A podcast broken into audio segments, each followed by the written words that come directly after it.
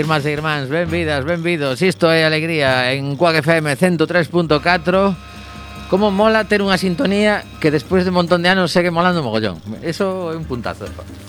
Non sei que opina Mariano Fernández ao respecto. A ver, a min gustame, pero pero eso non quita que haxa audiencia que diga, "Jode, xa está, aí, Xa. ah, A ver, a nosa audiencia ten que ser fan da sintonía total. Se si, Pesado. si non, ni nos escoitan, nin nada. pesado, se cambiou a do carrusel deportivo, non cambiades vos a vos. Pesado. Bueno, pois pues haberá que estudialo, pasa claro, si nos chamamos ou cambiamos o nome do programa, que tamén é outra opción, mm. ou se non, pois pues, eh, pega moito. Agora xa da preguiza, o sea, a preguiza Sí. como valor, eso que Totalmente. Bueno, pois eh, contar así unhas cousas de arranque arranque de programa dicir que a, a compañía de teatro A Panadaría está arrasando en Madrid, eh, a súa programación eh, está dentro do Centro Dramático Nacional, a obra As que limpan estará a vindeira o vindeiro mes de maio no Teatro Rosalía de Castro, días 20 e 21, últimas entradas á venda, pero agora mesmo están arrasando absolutamente en Madrid, teñen un montón de días consecutivos e todos con cheo absoluto eh, algúns días con función en galego.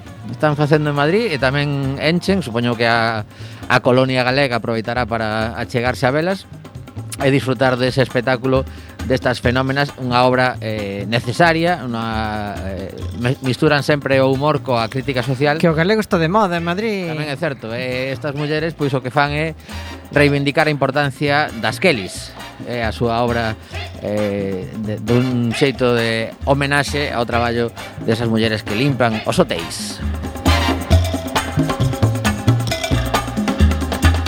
Onte foi o día da visibilidade lésbica e aproveitei a ocasión, había un acto eh, colectivo no, no Círculo Artesanos e aproveitei a ocasión para retomar o contacto con aquela convidada que tivemos en Alegría eh, a pasada tempada que nos falaba da agresión que sufriu na Avenida de Calvo Sotelo.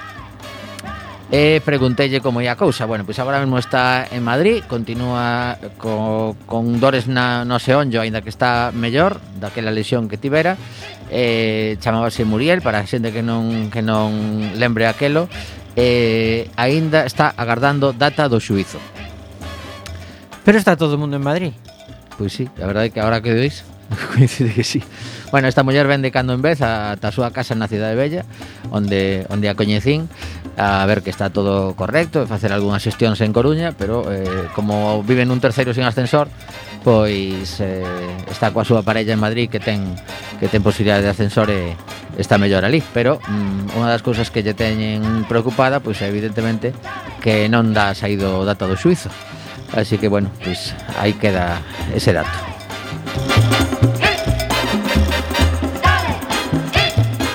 Superamos xa os dous meses de invasión de Ucraína por parte de Putin e os que teñen que ir ata ali mandados por Putin.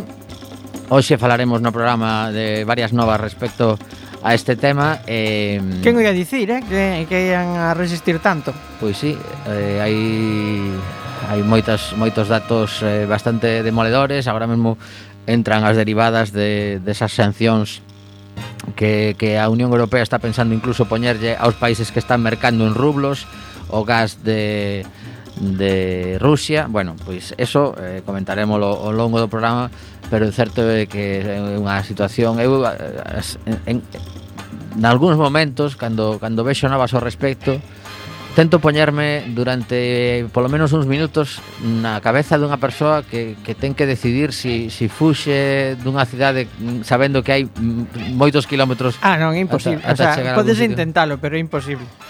Sí, sí. É que hoxe, dentro das novas que estiven buscando apareceu un tipo que saiu nadando. Iso xa que ve, eh, calquera día que veña Ahmad, que ten es, desgraciadamente ten esa experiencia, pois pues, é que é imposible. Non, para, para, eu supoño que E supoño que para a xente que se ve nesa situación tamén era imposible antes de verse nesa situación, non? Claro. Eh, non se, non, que non no, se pode. A, nosa cabeza non, non, non, non, cabe, é, non é consciente. Non cabe, non temos esa experiencia, nin nos claro. podemos achegar esa experiencia, e como podemos empatizar ou tentar comprender o que debe ser, pero eh, nin de coña. Ata que non o vives, non. non. É como ter outra cor de pel ou como ter outro outro xénero ou o que sexa, non? O sea, si sí, ti podes tentar empatizar, pero non é o mesmo que vivenciar, non? Totalmente. Entón, é super difícil, é, que complicadísimo. O sea, non penso que a dureza dese tipo de situación non uh -huh. non nos cabe é moitísimo peor do que somos capaces de imaginar. Pois mira, este, este domingo vivín a, o meu primeiro contacto con, con unha refugiada ucraína que non tivera ata agora e fomos a facer unha actuación de, para público infantil con, con Silvia Penide e o seu libro Diferentes Diferenzas que tamén se fai en, en lingua de signos simultaneamente mentras Silvia conta e canta eh, estábamos no, no Círculo Recreativo Cultural do Porriño que é un espazo deses eh, fantásticos que conviven eh, a parte social, a parte cultural e, eh, e unhas pistas deportivas ali e chegaron unha nena eh, e a súa nai Elles falaban en inglés, entón achagueime por si podía axudalas a ubicarse dentro do, do público e lle preguntei de onde eran e dixo Ucrania entón saíme dar, darlle unha aperta e, bueno, A verdade é que participaron, eu estaba bastante pendente un pouco de como reaccionaban, porque evidentemente non, non entendían, era un, era un espectáculo en galego, e non entendían o que se estaba contando, pero participaban, cantaban as cancións, quedáronse ao final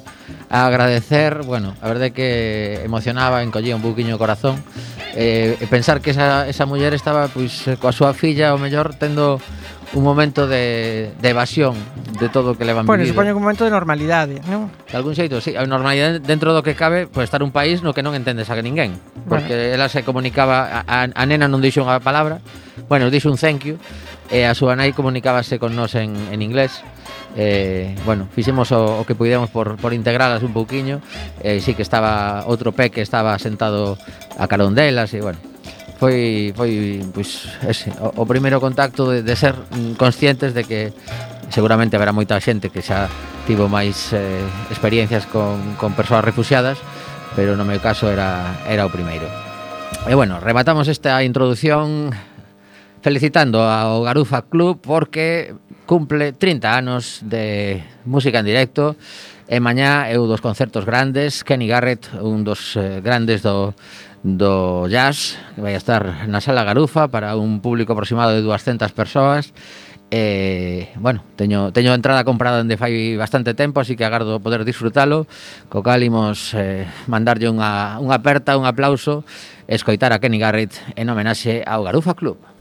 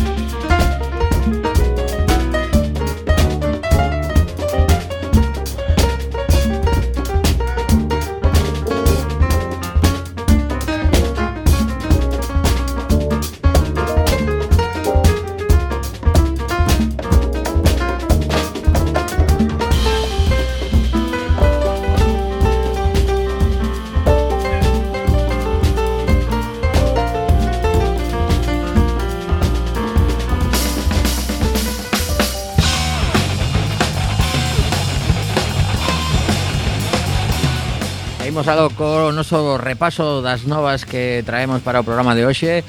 Unha delas é a explicación que nos conta no apartado de economía de o diario El País Sobre como baixará a luz tras o acordo entre España, Portugal e a Unión Europea, a Comisión Europea que é algo, pois, eh, podemos dicir case histórico que conseguisen ese acordo que en, en, en canto notemos que empezan a baixar as facturas eh, mensuais, seguramente eh, diremos, home, pois pues mira, isto Isto foi un logro considerable porque son millóns e millóns de persoas que van notar na súa factura. España e Portugal logran o visto bo de Bruselas para limitar o precio do gas a 50 euros por megavatio hora. A medida beneficiará só a que esteñen a tarifa regulada. Isto é importante, hai que velo nas facturas porque eh, ao mellor pois eh, tes que valorar se se compensa cambiar a túa a túa mm, comercializadora. Eh, importante para que nos fagamos unha idea de que este é o prezo límite, pero en principio vais a traballar sobre, bueno, vou, vou ler a nova e así imos comentando. A falta de que se concreten os últimos detalles técnicos, que isto sempre é unha frase que diste, bueno, a, a ver que detalles técnicos son eses, España e Portugal arrancaron o martes a Bruxelas un pacto clave para rebaixar a factura da luz de fogares e empresas. Ambos países poderán limitar o prezo do gas que utilizan as centrais térmicas para xerar electricidade, unha medida que arrastrará o conxunto do sistema eléctrico a niveis moito menores que os registrados nos últimos meses. Estas son as principais claves do acordo. Eh, España e Portugal tiñan proposto un límite de 30 euros por megavatio hora sabendo que era o típico que imos tirar para baixo na negociación para que nos suban e eh, nos quedemos un prezo máis ou menos razable. Ambos gobernos eran conscientes de que esa cifra é só un punto de partida para a negociación. Ao final, o tope será algo máis alto, 40 euros nos primeiros compases de aplicación da medida e 50 euros na medida do período de aplicación do mecanismo, 12 meses o doble que se barallou nun principio. Aínda así, este umbral final permitirá unha rebaixa máis que sustancial no prezo da luz no mercado maiorista, xa que a día de hoxe, por exemplo, está en 80 euros.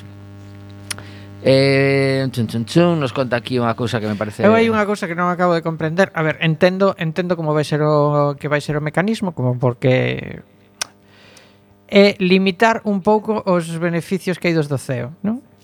Eso, eso parece, e aparte... Eh, hai que, eh, hai que... E, eh, baixar o ceo, non que non caia de moi alto o, o beneficio, pero segue habendo un beneficio que hai do ceo. Claro, Eu o que non entendo é cando que cando se regula, cando se regula un mercado, Uh -huh. esa regulación o que implique un implique un enriquecemento injusto para os operadores do mercado. Quero dicir, eh En teoría, se ti vas a hiperregular un mercado, debería de ser pois, para garantir a prestación de servizo, non para garantir os beneficios das compañías que prestan servizo. Amiguiño, que pasa que cando entra a bolsa, pois... Eh...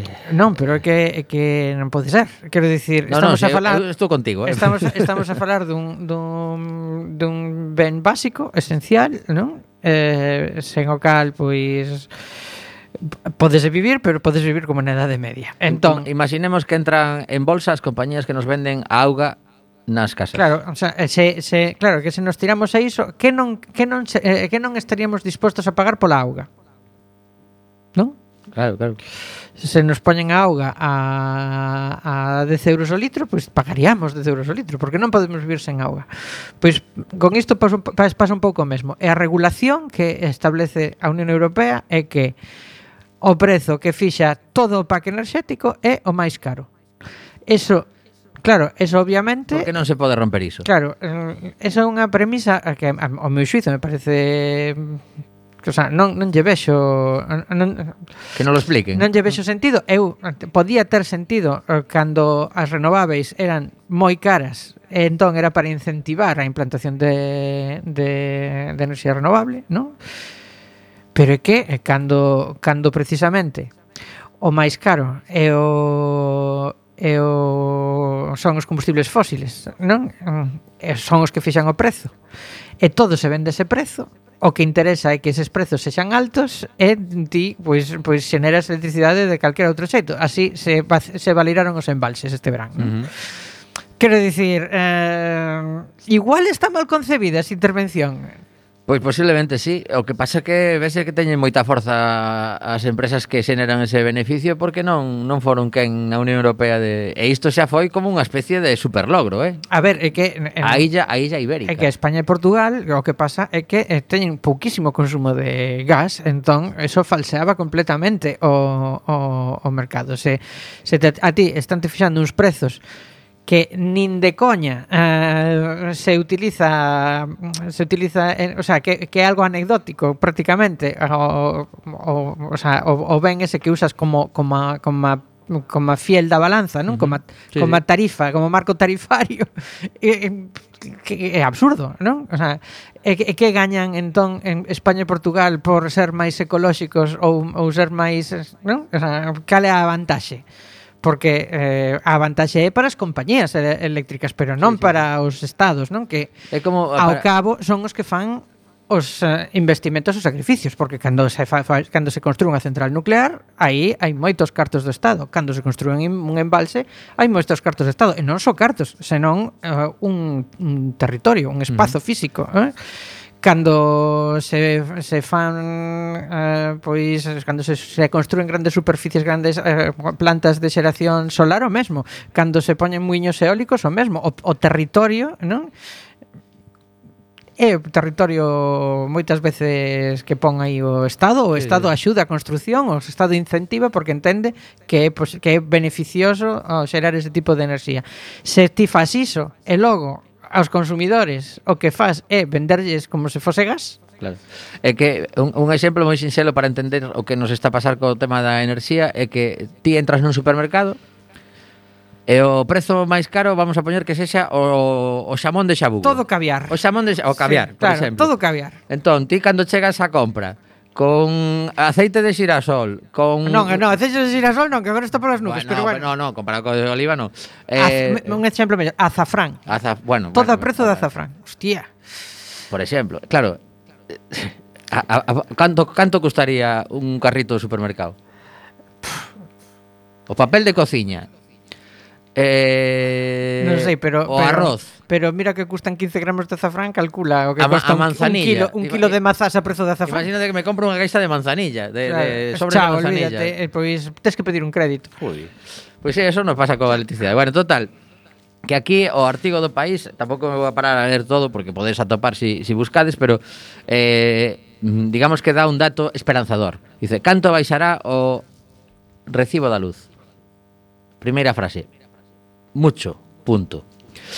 Unha vez que está en marcha o tope do gas, o prezo medio diario da luz debería rondar os 130 euros eh, nun día caro. É que as renovables de novo cuño, de longo, as fontes máis baratas, marcan prezo en moi poucas horas ou ningunha franxa horaria e o importe do gas marca a súa lei. Nas horas nas que as centrais do ciclo combinado pechan prezo, directa ou indirectamente, non debería superar os 140 euros, según tres especialistas consultados por este diario. Estas cifras contrastan tanto cos valores actuais, este mércores, por exemplo, vanse pagar máis de 220 euros megavatio hora, con picos de ata 270, estamos falando de 140, como cos valores do pasado recente. En marzo, que foi o mes máis caro da historia, a luz costou máis de 280 euros. Estamos a falando de que eh, con esta medida chegaría á metade que aínda así, poder, eh, o que dicíamos antes, podería baixar moito máis, pero en principio podería baixar a metade. Seguramente non chegarán como no, no componente da factura, hai bastantes eh, elementos, pois o consumo é só unha parte, pois non chegará a ser a metade, pero en teoría debería baixar bastante. Pero agora ven a clave. Lembramos o que dicíamos ao principio. A quen lle vai a afectar? Aproximadamente o 40% das empresas aos fogares, que son as que teñen eh, o que se chama eh, o mercado regulado tarifa PVPC. Eso é o que tedes que buscar na vosa factura, si o tedes así ou non. Porque, en función diso, ides notar o, a rebaixa ou quedades como estabades. Así que, olliño, con este tema. Pois, a, a ver, a, eu supoño que, que todo isto, todo este conflito vai ter unha derivada que é que por fin eh, nos países europeos nos apuntemos a, a, as, a, a, a ter unha, un, a ter unha soberanía enerxética, non? Polo menos dentro da Unión Europea.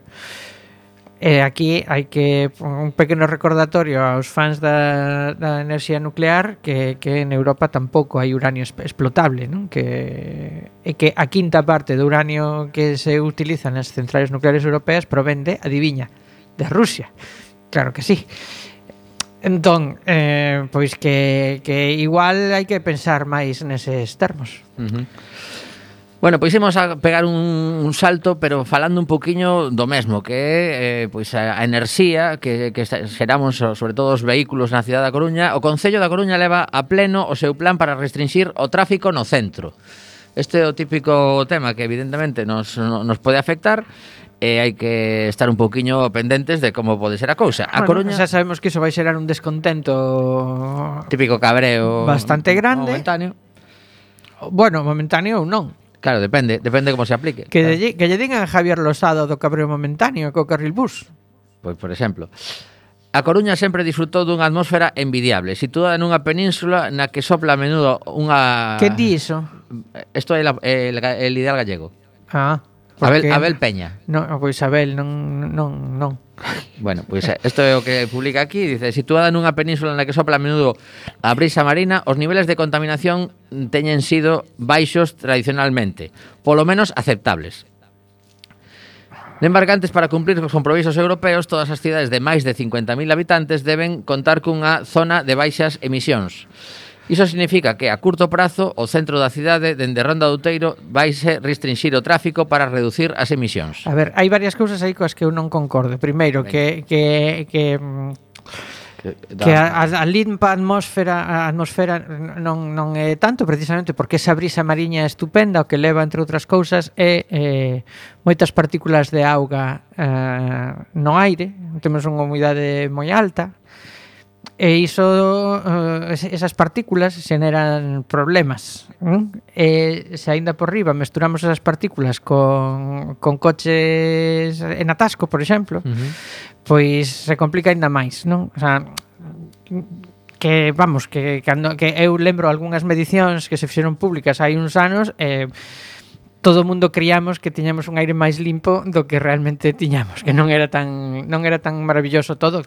Ben é certo que que boa parte é auga de mar, pero que iso non implica, o sea, que non deixas de estar respirando cousas que non son aire. Uh -huh.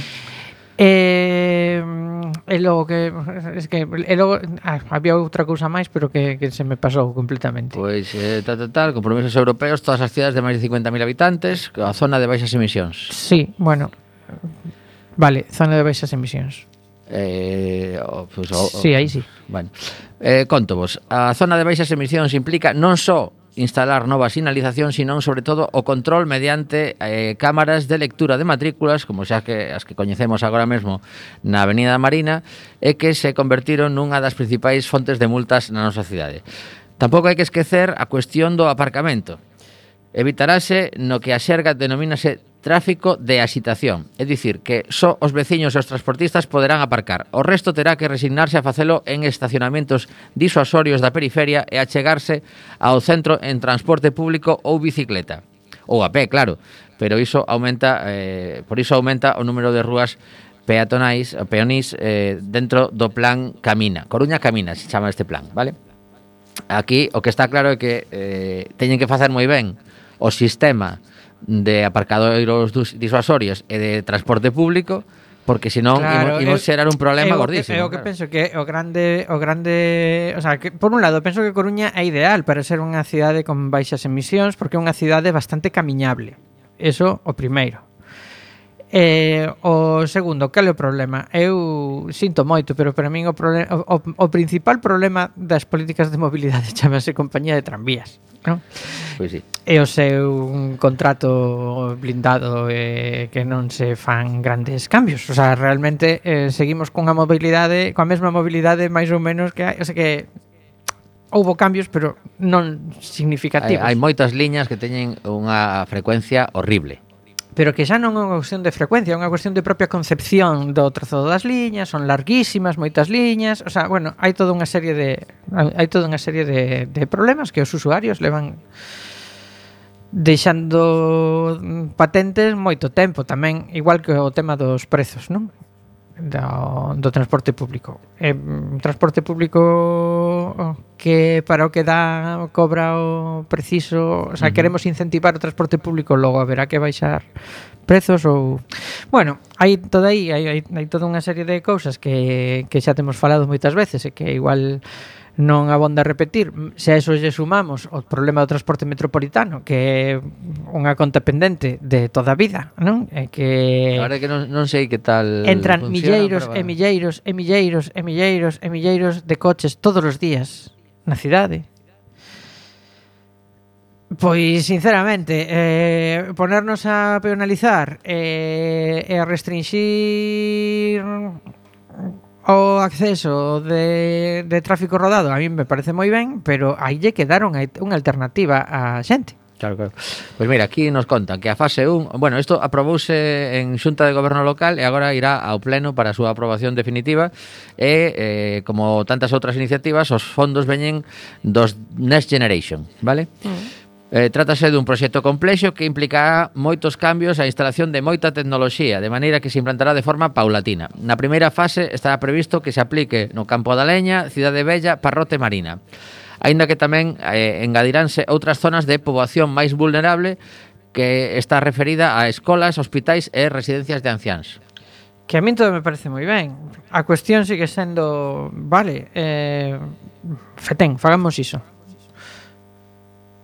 Pero se eu vivo en Culleredo e teño que ir traballar ao, ao centro da Coruña. Ponlle Juana de Vega. Ala. Juana de Vega todos os días.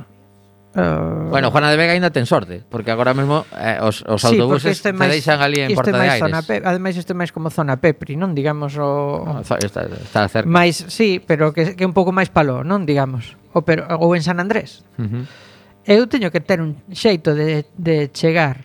E se, e se saber restringir o tráfico xa non é só o impacto que teña sobre a xente que non pode chegar a aparcar, que eu entendo, oes, pois mira, se non podes chegar a aparcar, pois igual, non sei, eh, igual en vez de vir en catro coches os, os, os catro de empresa que sodes de Culleredo, pois podedes vir nun, non? Enten, ese tipo de Ese tipo de cousas, bueno, vale, pero a cuestión é, é, os, é, é, é como se move o tráfico, se curtas aí, non? Sí, sí, sí. No, no, Como porque... vai funcionar a circulación dentro da cidade? Que novos eh, eh que novos eh, colos de botella vas vas xerar? En que sitios? Sí, sí, sí. Porque iso oh, vai cambiar completamente eh, o movimento da cidade. Xa pasou cando se fixo o famoso túnel que cambiou os fluxos todos de sí, sí, sí, sí. de E bueno, eu estou pensando agora, aínda que eh, seguramente moita xente dirá, bueno, eso é un tema menor, evidentemente un tema menor, pero eh, to, todas as, as persoas que veñen por, por motivos de traballo a centro da cidade, pois ponlle, por exemplo, os, o Kenny Garrett. Kenny Garrett vai a estar mañana no Garufa, eh, veñen oito persoas na, na expedición eh, se lles empezan a poñer absolutamente dificultades, eh, iso vai xerar un, un volumen de documentación extra para pedir permiso, porque isto xa pasa, por exemplo, na, na zona bella de, de Compostela, que hai locais de concertos, como pode ser a Casa das Crechas, ti tens que solicitar un permiso con antelación para poder acceder hasta ali con material, etcétera, etcétera. Todo eso é unha burocracia que ten que estar moi ben eh, artellada eu, para que non haxa problemas. Eu supoño que aí se podería, estou falando por falar, é un pouco cuñado isto, pero se podería artellar un sistema sistema similar ao de carga e descarga, non? O sea, para os establecementos que teñan esas necesidades, realmente non deixa de ser unha carga e descarga, non? Da o mesmo que leves laranxas que que leves un, un saxofón. Debería, non? sí, claro, claro, pero en, ten que quedar registrado de entón, algún porque o que pasa que os de os de laranxas seguramente fan a ruta todas as semanas entón, non, e os do saxofón veñen un día, todos los días. un día cada X anos. Claro, todos os claro, días, pero claro. bueno, a ver, quero dicir, para iso hai solucións, hai tecnoloxía sí, sí. abondo, hai hai hai moitos xeitos de de poder poder, de poder darlle solución a, a ese tipo de problema pero o dos grandes fluxos de, de desplazamento non son tan doados de resolver, eh? Porque se seguen entrando a cantidad de milleiros de coches que entran todos os días na cidade, en algún sitio se teñen que meter. E se queda acotado un trozo da, da cidade, pois se moverán polo resto. Sí, sí, sí. Eh, e, e, que, e, e que aí xa empezamos a, a, a, ver, a, a, a dividir eh, eh, metros de rúa por metros de coches. Que logo chove un día, está toda a cidade colapsada, a xente non chega a traballar, os nenos non chegan ao colexo. No, no, no, isto, isto hai que facelo moi Claro, hai, ten, ten moito do tema. E aquí eh, a responsabilidade non é só do Concello, eh? porque o do transporte metropolitano non é responsabilidade eh, do Concello.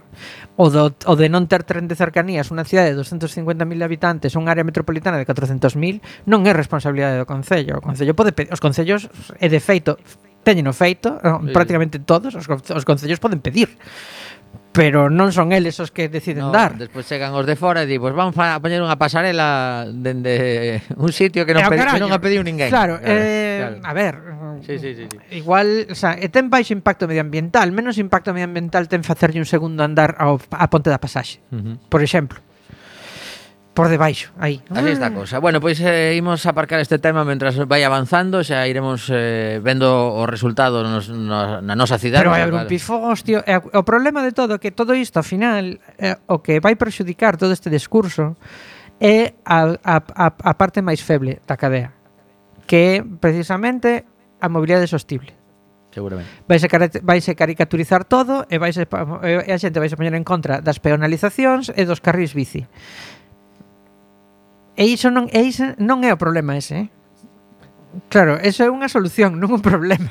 O problema eh, é precisamente que entran eh, miles e miles e miles e miles de coches todos os días. Pois aí está, esa é a, a nova que nos vai ter entretido seguramente nos vindeiros meses en canto se empece a aplicar. Agora imos escoitar a outra banda moi pois, precisamente, veñen dende Montreal a Sala Mardi Gras en Monte Alto, que está... Eso eso a liña 7. Claro, efectivamente, bueno, claro. sí, a liña 7, o que pasa que agora mesmo está a Rúa Tren en obras, está todo cortado ali e temos un, un burato espectacular. Pero a terceira parada de Montreal igual. Sí, claro, claro, claro. Entón chegan dende Montreal de Dan Truth, eh, a, a maldita verdade, cunha vocalista que, que vai a, a dalo todo no escenario da Mardi o domingo pola noite eh, esta versión dos Rolling Stones para demostrar cales son as súas influencias o Give Me Shelter, dame cobixo pois mira, queremos que, que nos que nos eh, a, bueno, ao revés, darlle cobixo a estes eh, canadienes cana, canadianos, eh, non? Canadianos Sei. na, na Mardi o domingo, alaimos a por eles, dalle play aí Música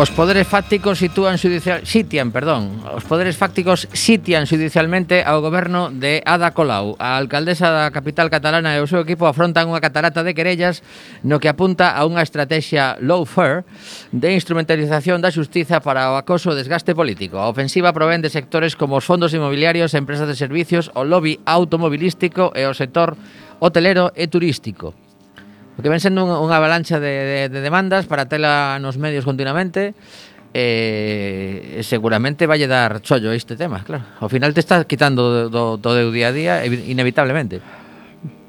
Bueno, eh, low fair, lle chaman a isto. Sí. Uh, sí, sí. Pois Que eu que queres que che diga, ah, ah, tampouco hai que irse a Barcelona para ver iso. Xa. O pasa que neste caso pois pues, eh, replican algo que vivimos aquí.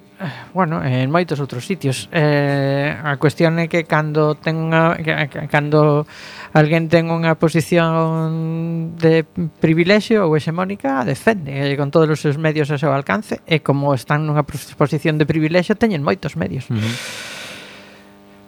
Sí, sí. Non sei, xa veremos en que en que acaba. E sí, supoño que, a ver, é un trastorno, claro, obviamente. É difícil. Nada, Non sei, a min pareceme feo así en xeral este tipo de cousa, pero pero bueno, haberá que ver. claro. Eh, Legal é, evidentemente. Legal é, todo o mundo Pero- ten dereito a, a, a, a súa defensa xurisdiccional, Ujú. pois bueno, vale. Pois nada, imos estar eh, entretemento con este con este asunto seguramente nos, nos vindeiros meses e hai que ter en conta que en maio do ano que ven eh, celebraránse as eleccións municipais e iso implica, por suposto, que todo o que suceda antes pois vai a afectar posiblemente na, na opinión pública e no que poda decidir as persoas. A ver, eh, que pasa? Enseguida eh, calquera poderá dicir, bueno, eh, Almeida pasa o mesmo. Claro. A mellor son cosas diferentes. Que é certo, pero claro, mellor eh, as, as accións e eh, as reaccións van en direccións diferentes, non? Eh, eu o que penso é que é que a labor dos poderes públicos é procurar que a vida meirande parte dos ciudadanos sexa mellor. O decía un señor que se chamaba John Stuart Mill, un, un un liberal dos de verdade, vale, que dicía que a función de todo bo goberno é procurar o maior ben do maior número. É así. Eu penso que estaba moi acertado este señor. Uh -huh. Bueno, pois comentar tamén, estou aquí con, con unha das novas da semana e o maior Mariano, que é máis usuario que a min de, de Twitter, pois pode ter máis opinión ao respecto desta compra por unha cantidade desorbitada, podemos considerar, eh, por parte de dun dos, eh, bueno, o home máis rico do Elon mundo. Elon Musk, digo. bueno, non, o máis o máis rico do mundo é Jeff Bezos, pero estarán aí, bueno, agora este eh, é rico. Agora eh, bastante de, máis. Eh. Depende, bueno, depende, depende do que custe realmente a o sea, compañía, claro. Su, non sei, supoño que disque, pero non sei non sei que se se saberá ou non, pero bueno, Jeff Bezos hai que decatarse que controla prácticamente o mercado norteamericano a través de, bueno, e boa parte do mercado mundial a través de Amazon. Uh -huh. Pero Eu non sei, non sei o que cambiará, non teño nin non teño nin idea. Quero dicir, eu estou moi desencantado das redes sociais, xa non me gustan como, como funcionan agora, nin, o, nin a función que sirven, nin, nin os intereses que sirven, nin o que fan, nin o que eh, nin, nin o que estimulan, nin o que afogan. Ni non? como nos amosan o que lles interesa. Non me gustan nada, eh, cada vez menos. Non? O sea, eh, porque ademais xa nin sequera dirixen persoas, non? O sea, simplemente as dirixen algoritmos. Non? Uh -huh. eh, que obviamente non saben non saben o que fan, pero que en os programas sí que o saben. Mira, imos, imos facer así un repaso rápido porque teño un par de novas máis que me apetece comentar sobre o que publica aquí nunha páxina web que se chama eh, Marketing for E-Commerce Seis claves do futuro de Twitter de Elon Musk. O botón, dende o botón de editar os tweets ata a saída a bolsa. A ver que nos comentan así nun, nun flash. Hombre, o botón de editar está ben porque ningún tweet sen a súa rata. Os motivos polos Pero que a ver este... como, eh? claro. Claro, claro. Bueno, os motivos polos que este home compra Twitter. Eh, na carta aos accionistas nas que xustifica a operación explica que iniciou a súa inversión en Twitter porque cree no seu potencial para ser a plataforma para a liberdade de expresión alrededor do mundo. Eso é imposible. Eh, eh, calquera que saiba un pouco de comunicación sabe que con 240 caracteres é imposible Eh, claro, pero unha das cousas que, que prometía una, este home iso. era era ampliar a moitos máis caracteres. Eh, bueno, pero entón deixa de ser Twitter, eh, pasa a ser outra cousa, e se oh. pasa a ser outra cousa, Chama, se pasa chama ser, Twitter E de Elon Musk. Será Facebook, Facebook con paxariño. Bueno. Eh, e a xente, pois a xente que está agora, pois uh -huh. supoño que o abandonará, porque o chiste está precisamente na síntese, Xa, non? pois aquí Twitter convertirase nunha empresa privada que vai sair a bolsa. Eh, a liberdade de expresión, como comentábamos ao principio, o principal cambio que busca este home en Twitter é ampliar a liberdade de expresión na plataforma, Mais. Eh, indicando que é a plaza do povo de facto. Eh, eso, unha, eso, iso é unha memez. Terceiro. Iso é unha memez primeiro, porque que eh, estamos a falar dunha ferramenta a, a nivel global. Sí? Uh -huh. eh, canta, cal porcentaxe da poboación mundial ten acceso a internet e competencias digitais. A, que non me veña contando a, parte, a parte que lle interesa, a, que, a parte eh, que lle interesa, pero entón que non me conte que é a Praza do Pobo. Non, non é a Praza do Pobo, porque é, é a praza é un é o bar dos ricachóns da Praza do Pobo, pero mm. non é a Praza do Pobo. Bueno, terceiro punto, chegará a función de editar tweets, acabamos de comentalo, eh, en principio vai ser o máis rápido que implementen porque el está convencido de que podes meter a pata e correxilo pois non está Sí, bueno, ni un tweet sin su errata, é prácticamente un Claro. un Twitter de código aberto. Outro dos plans de más que, que xa ten comentado é un repositorio aberto para que calquera persoa poda recomendar cambios e novas funcións co que os desenvolvedores eh, terán plena liberdade para reestruturar a aplicación e, claro, buscar solucións viables ás problemáticas ás que se enfrentan. O 5 mm, poderíanse comprar contas verificadas.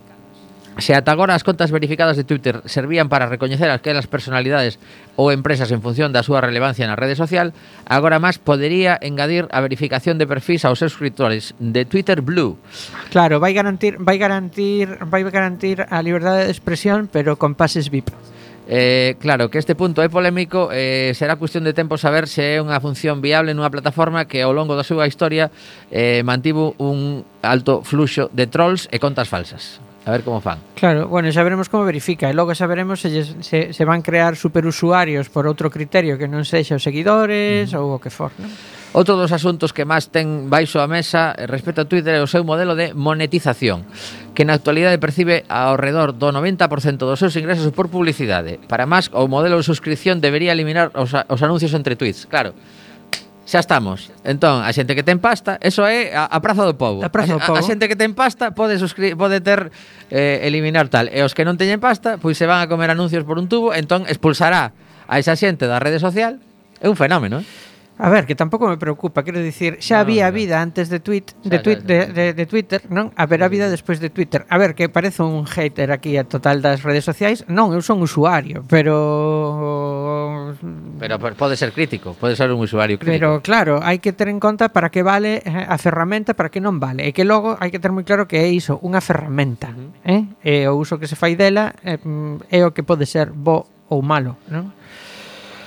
Bueno, pois eh, imos con dúas... De momento non me convence nada, me parece un camiño bastante certeiro para cargarse o que acaba de mercar, a pero mí, bueno, a el, cheirame a liberalismo, el, el verá. liberalismo económico. Home, pinto de Elon Musk que esperábamos, Claro, ¿no? claro, claro. A ver, non no, no está comprando Mahama Gandhi. Claro, por poñer eh, un exemplo extremo. Eh, bueno, eh, que pasa que Estás, eh, estás, vais a meter, o sea, realmente eh, os usuarios que son o que fan atractiva a, a rede eh, vais a meter co, cos millóns de persoas máis refunfuñonas do planeta, que somos os, os tuiteiros, tuiteiros eh? Claro, claro. Entón, eu, eu iría a modo se fose el, a modo. Bueno, eh, estiven investigando tamén que nos contan dende La Razón, ABC, El Mundo, porque hoxe, hoxe estaba aí con, con gañas de saber que, que, que se coce por outros eh, espectros eh, multimedia. Eh, comentan La Razón, el Kremlin está tan cansado de Putin que non se descarta un golpe de Estado. O biógrafo do presidente ruso explica que o mandatario eh, amenazou ao seu círculo con utilizar armas nucleares se o deixan só.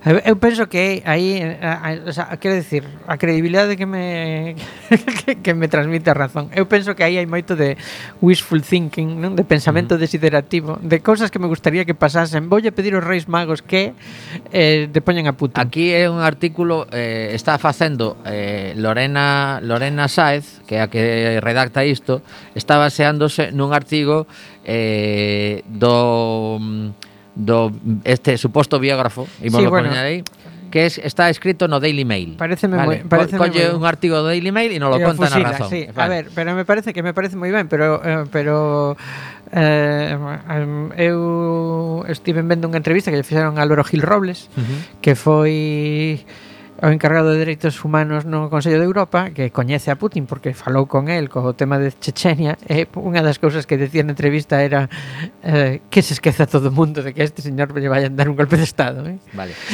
Iso non vai acontecer bueno, porque pues aquí, conta, xa se encarga el de que non aconteza. Conto un par de cousas máis, eh, tampouco imos estendernos na nova. Que me dan pero... bastante credibilidade este señor. Eh? Vale, no. pois pues, eh, poucos no círculo íntimo de Kremlin teñen unha audiencia cara a cara co presidente Vladimir Putin nestes días eh, está paranoico polo medo a contraer o coronavirus e realiza a maioría das súas reunións a través de videoconferencia. Tampouco sei se me creo iso moito. Eh, o, o seguinte que nos conta é A desastrosa invasión militar de Rusia en Ucrania está tirando a economía ao lixo. Non me creo tampouco oh, de todo de todo iso. Segundo, eh, díxolle Elvira Nabiulina, que é a gobernadora do Banco Central do país, a ah. Putin. Esta tentou renunciar por Zoom do seu cargo e Putin lle dixo que nin de coña que aí se quedaba. Claro, a ver, eu créome que isto obviamente está danando moitísimo a economía rusa, o que non teño tan claro que sexa unha invasión tan desastrosa, non? Son cousas diferentes. Queres dicir, eh, que pensarían que igual pensaban que era máis rápida, pois non, que ia ser máis rápida, pois non teño nin idea. Que eu sí pensaba, por exemplo, que que que Ucrania non ia ser quen de, de resistir. Uh -huh. Tamén teño a sensación de que de que Rusia non está usando toda a súa potencia de fogo ni moito menos, non? O sea, calquera que dos que lembremos Chechenia nos decatamos de que, ostra, cando va moi a malas, pois va moi a malas. Eu non, non teño Bueno, memoria. digamos que hai un hai, hai un tuiteiro que que fixo un tuit que me que me parecía bastante certeiro, hai ao principio do tema que decía que o, a estrategia rusa de combate urbano tridimensional era evitar que fose tridimensional. E teñen capacidade para iso, non? Está pasando, bueno, está pasando en algúns sitios, pero non non de xeito generalizado, quero dicir. Mira. Eles saberán que previsións tiñan. O que sí que penso é que non calculaban non non calcularon correctamente a reacción eh, porque a reacción foi rápida, eh, moi contundente e tremendamente dañina para, para a Rusia a nivel internacional. Quero dicir, Eh, non sei que pasará na guerra, pero o que vai pasar despois da guerra é que eh, Rusia vai quedar nunha situación eh, internacional eh, terrible. Sí, eh, sí. Entón, igual enfrontarse a iso é máis complicado incluso que xestionar esta criatura que creaches, non? E que tes nas túas mans que unha que unha guerra. Aquí remata o artigo dicindo: "O mes pasado reemplazou a todo o seu persoal composto por mil persoas." Que menuda a selección de persoal que fixeron, eh? A ver, eh, non sei cales son as fontes. Claro, así... Se, É claro, o que conta se, este biógrafo. Se iso fose certo, pois é unha tolemia, porque precisamente canto máis cando en un momento máis delicado podes estar e máis confianza precisas, respondes da xente e, e coa que levas tempo e a cambias por completo por outra xente nova que non sabes quen é. A ver, iso é un movimento que le atese, que, que, que está paranoico e que un megalómano tal, bueno, pois hai que compralo, non? Uh -huh. Pois A priori é todo o contrario o que leva de, levamos ando Putin todos estes anos, que é ser un señor moi frío, eh, tremendamente calculador e que non se fía de ninguén. Pois sí. Pero o, pero es, non sei, non sei, eh, eles saberán. Bueno, contarvos que eh, aí para, para rematar xa están convocadas as eleccións andaluzas, polo tanto eh, hai que darse moita presa, e unha das cousas que comenta é a ver como se organiza a esquerda que estaba un pouco eh, en, en momento de non ter moi claro para onde tirar non se organiza, como organizarse. O sea, quero claro. dicir, aí hai unha contenda a, a, adelante Andalucía eh, contra contra o batiburrillo habitual. Uh -huh. eh, quero dicir que, se, que, que sei que levantou unha, unha candidatura unha das dúas vai a unha das dúas vai ir ben e a outra vai ir mal. Eso eso que é de caixón. E algúns votos se perderán polo polo camiño. Uh -huh. Eu aso, penso que o asunto está en en eh, en, en Vox o sea, que o, inter, o interesante eh, das eleccións andaluzas é saber se, eh, o sea, a que mordisco oh, pega a Vox e a quen uh -huh. Bueno, pois vou rematar porque xa non, non dá tempo. Interesante real. no mal sentido, supoño, claro, claro. evidentemente. Sí, sí. Bueno, vou rematar comentando que hai un mes publicouse unha entrevista que teño aquí en Pantanada, que non a dou socado nunca, en Infolibre con Ana Pontón. E o titular pareceme interesante, eh, Feijó, nin é moderado, nin é bo xestor. E a partir de aí conta, eh, digamos, a súa experiencia dende a posición galega, eh, para justificar isto está en Infolibre, por se a queredes buscar.